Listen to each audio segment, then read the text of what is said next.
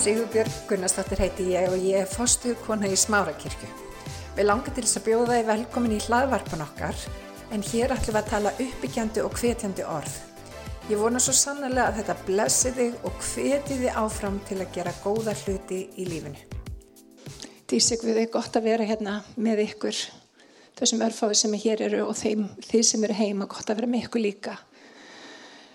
Um, mér langar til þess að tala um hreinsun í dag.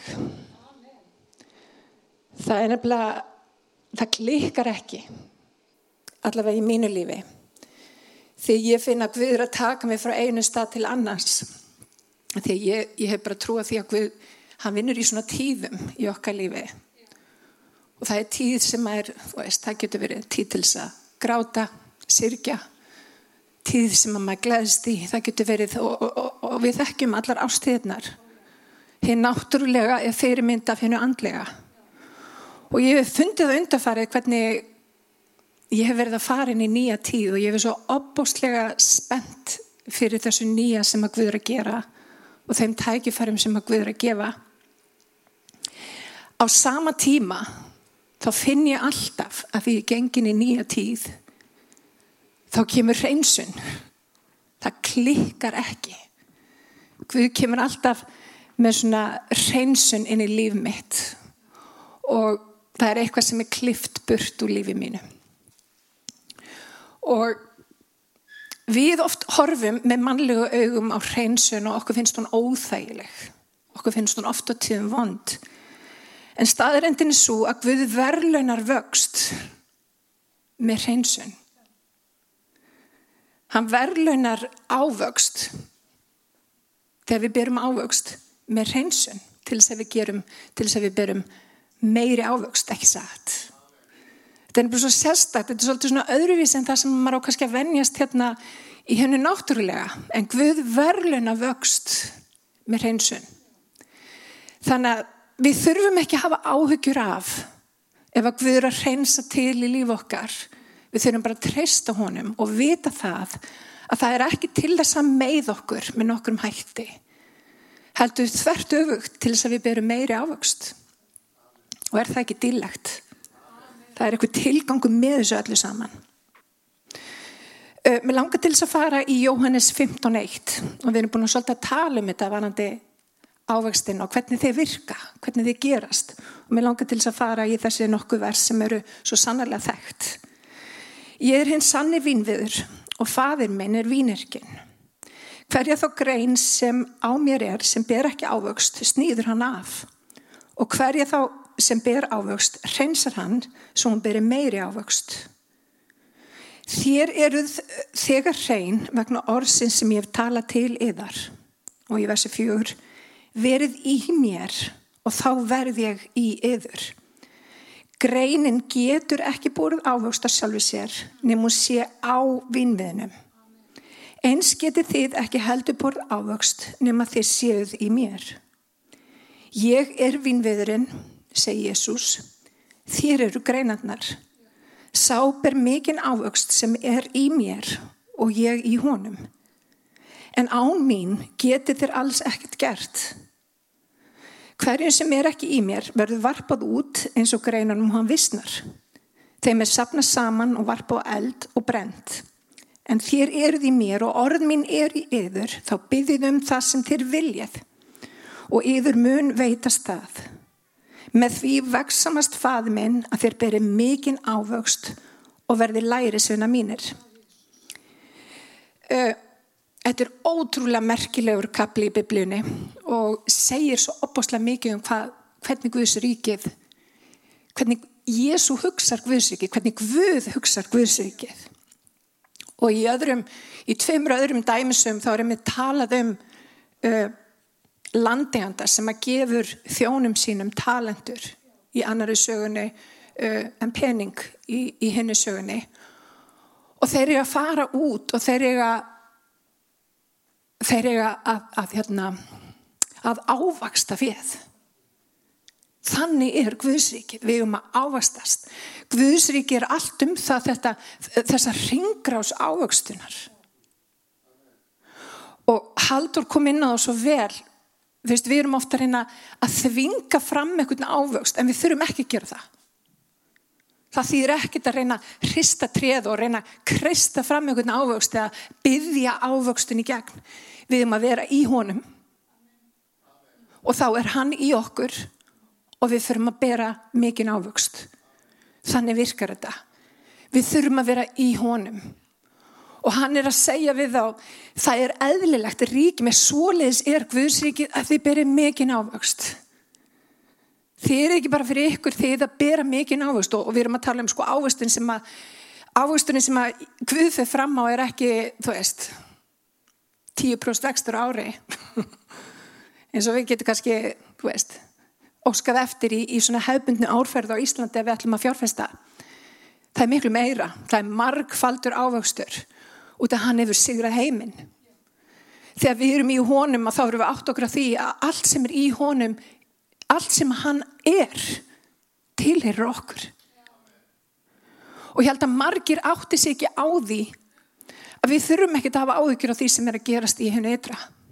Við erum í honum og það gilda bara hreinlega á alltaf nýr lögmál þegar við erum í Jésu og við þurfum alltaf að bera þennan mikla ávöxt.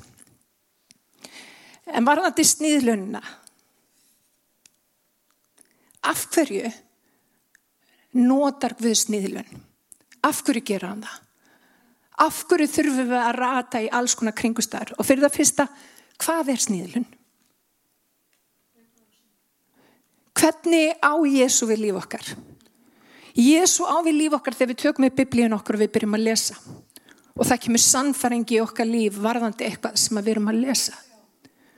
Og Guð getur verið að hafa áhrif á hjart okkar um að við erum að tilinga okkur eitthvað ákveðið eða við þurfum að láta af einhverju ákveðinu. Guð notar líka mjög mikið fólk. Guð notar kringumstæður. Hann getur notað opuslega góða kringumstæður. Hann getur notað erfiða kringumstæður.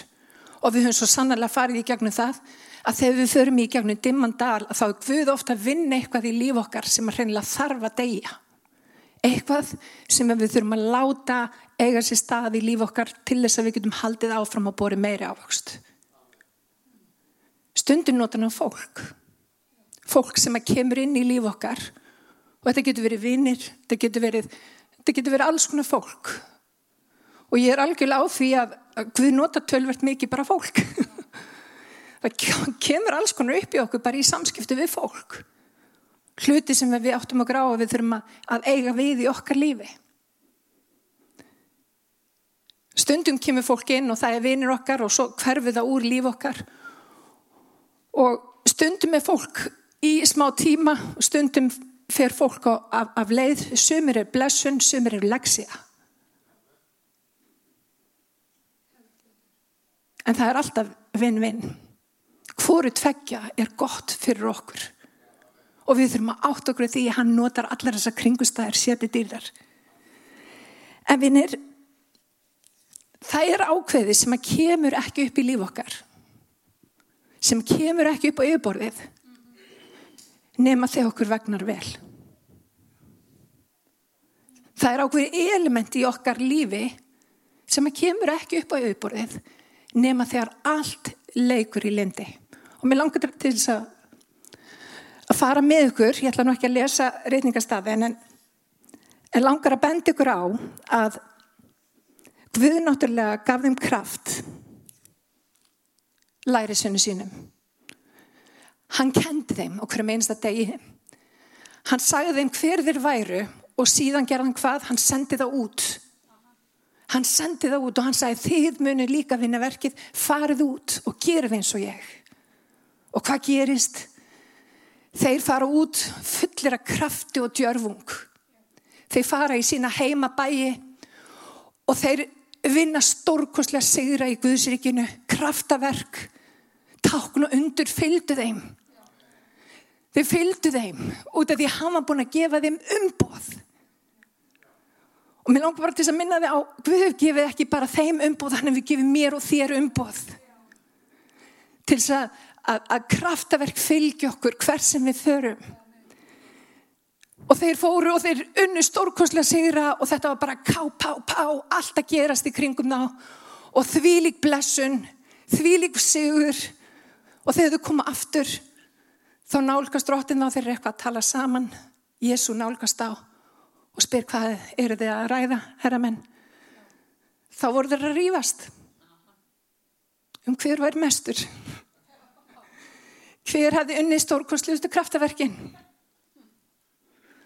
Þess að Pétur hefur örgulega sett bara á, þú veist, ég er strákar ég, eins og hann var. Rosalega ánaði með sjálf og sig. Það hefur engin upplegað sama ég og þeir voru að rýfast. Þeir voru að rýfast um hver væri mestur. Og það nefnilega vill verða þegar þú ert í kringum fólk sem hefur trú á þér að það getur stíðið til höfus. Og það gerði það hjá þeim. Og Jésu í mildi sinn og miskun þá sló hann ekki hausin að þeim. Hann bara leður eftir þá með orði sínu. Því hann sniðlar, hann reynsar með orði sínu. Og hann var ekki að reyna að gera lítið úr þeim. Hann sagði, nei strákar, þetta er ekki um þetta. Þetta er ekki um hverju mestur. Vist, ég þjóna föður mínum. Alveg eins eigi þið að þjóna föður ykkar á himnum. Hann er mestur. Og þannig leiðbendan þeim með orði sínum, með anda sínum, með aðtöfnum sínum. Og hann með þess að segir við þá í kaplanum eftir, hann sagði allt það sem ég geri er vegna samfélags míns við Guðus. Allt það sem að þið gerið er ymitt vegna sama samfélags og líka fyrir heila ananda þið eru samerfingjar. Og við oft gleymið því vinnir að við erum samerfingjar. Jésu er ekki einhver maður sem að gekkum á jörðinu fyrir 2000 ári síðan, hann, hann var það sannarlega. En hann líka býr í mér og þér. Og hann talar við okkur á hverjum einasta degi. Og hann blíðlega laðandi, Kristur hann kallar. Og hann er að kalla í dag, vinnir. Hann er að kalla okkur í dýbra samfélag við sig, en það líka sagða við þá ég kalli ykkur ekki lengur þjóna ég kalli ykkur vini sem að þýðir þeir voru hér en þeir eru komið næronum í einingar samfélag þannig að hann kann tala við þá eins og fullurna menn. Og maður hefði haldið að Jésús hefði bara whoops, róum okkur í gleðinni þeir eru alveg út á túnni þeir eru bara metast um hver er hæfari, hver er betri. Nothing of the sort. Í byrjun næsta kapla þá kallar hann 70 manns til að fara út með fagnarherindi. Fara út og segja frá því hver hann er. Því hann hafi tröst á fólki. Hann hafi tröst á okkur. Og þess vegna er svo mikilvægt vinir að þessu trösti fylgir líka því að við heyrum röddans að við séum ekki að gera það sama og við gerðum fyrir 10 árum, 15 árum, 15 árum eða 20 árum síðan heldur við höfum nýtt fyrir stafna við þroskumst og döfnum og berum mikinn ávöxt. Og mér hefur verið hugsað til Pétus í þessu sambandi. Frábær, það er svo margt hægt að læra Pétri. Hann var frábær. Rosalega blessar, hann saði Jésús saði hann á þér mun ég byggja kirkju mína. Og hann og, hlýðar heljas verða henni ekki yfirsterkari var það ekki eitthvað neins svona Amen en Pétur, wow, mistækur alveg svakalega Þegar Jésu sagði við hann hann ætti eftir að fara upp á krossin þá sagði hann, Jésu, hann bara hastaði Jésu. Nei, nei, nei, nei, þetta er bara ruggliðaður Jésu. Það mun aldrei gerast. Og Jésu þurfti oftar neinu sinni að slá að puttan á hann og segja bara, herðu, e, ekki literally, hann sló engan. en svona stöðu hann af. En af hverju stöðu var Jésu okkur af? Það er vegna ástarsinnar og okkur. Það er vegna kjallega síns. Það er til þess að við berum mikinn ávöxt. Það er einmitt með orði hans ef við leifum honum, ef við hættum að vera þjónar og við komumst í návistans sem að þráir að leifin okkur, vera með okkur, hjálpa okkur til þess að taka góðar ákvarðinni fyrir okkar líf. Síðar í þessum sama kabla þá er líka alveg frábær frásögn af, af lærisönunum. Þeir eru hérna að lappa í gegnum samrið því muni eftir, þessu, eftir þessari frásögn þeir ætla að lappa í gegn en, en þeir vildi ekki leifa um það. Jésu var stöðvar og þeir vildi ekkert með Jésu hafa og læri sinna sínir eins blessar og þeir voru alltaf með puttan á púlsunum. Þau segja Jésu, ef við ekki bara kalla niður eld og steikja fólkið. Og þeir eru búin að ganga með Jésu í, í, í langan tíma þegar þetta var. Læri sinna Jésu og við lesum bækur í biblíunu þar sem þessi lærisinnar eru búin að skrifa þeir voru merkilegi menn miklu guðsmenn en voru ekki alltaf í honum voru ekki alltaf í andanum og Jésu þurft að segja við þá nei, herra menn ég er ekki hinga komin til að taka líf ég er hinga komin til að gefa líf og aftur Guð þar stundum að sniðla okkur til. Guð þar stundum að klippa hluti líf okkar. En það er alltaf vinir til þess að við berum mikið ávöxt. Og mér langar til þess að að hveti ykkur í dag. Leifum orði Guðs að tala til okkar. Leifum kringumstanum sem að Jésús setur í við okkar til þess að eiga við hjart okkar ekki halda áfram og við skulum ekki halda áfram að vera sömu manneskutnar við vorum fyrir 10-15 árum síðan. Berum mikinn ávöxt. Þegar í heilugum manda, mér langar að benda ykkur á það svona réttarlokum, í heilugum manda muniði hvernig Pétur var þá. Í heilugum manda þá stóðan upp. Þá stóðan upp eftir að Jésu var farin til himna og þau voru búin að býða í lofstofinni þá stóð hann upp ekki sínum eigin krafti heldur í krafti Guðs og hann fór að tala af djörfung hann fór að tala sannleikan og hann fór að vittna um Guðsríkið og fólk hjælt með þess að hann leiti út fyrir að vera drukkin en hann talaði á djörfung og hvað gerðist? Þúsundir frelsuðust. Undir krafti heila sanda þá geta þúsundir komist til trúar í gegnum hvert og eitt okkar. Þess vegna er svo mikilvægt að leifa orði Guðs að eiga við líf okkar. Og í dag, í staðin fyrir að, að kvarta yfir því, förum að þakkunum fyrir að við munum sjá mikinn ávöxt. Ég er nefnilega virkilega trúið því að þessa fæðingar hríðar sem við erum búin að vera að upplifa núna í töluvert langan tíma munir nefnilega framkalla eitthvað algjörlega nýtt, nýtt líf. Þannig í staðin fyrir að horfa á þjáninguna og horfum á upprisuna. Og það er það sem ég vil skilja eftir hjá þér í dag. Drottin blessi þig og varviti þig. Amen. Mér langar svona rétt að lókum fyrir þá sem ekki þekkja Jésu að byggja litla bæn. Þetta Jésu er bara einni bæn í burtu. Hann er ekki fjarlægur, hann er nálagur.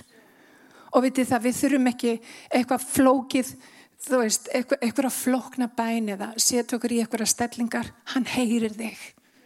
Með þess að andvarp sem að þú gefur frá þér, hann skilur þig. Þannig að mér langar til þess að byggja bæn sem að færir ykkur saman. Ég bygg þig um að byggja bænina eftir mér og byggja af heilum hug, af heilu hjarta. Kæri Jésús, ég byggjum að koma inn í hjarta mitt í dag. Ég byggjum að fyrirgeða mér sér hverja send. Ég byggjum að fylla mig af anda þínum. Og viltu ganga með mér hvern einasta dag. Drottin Jésús, ég þakka þér að ég nú þeitt barn. Í Jésu heila nafni. Amen og amen.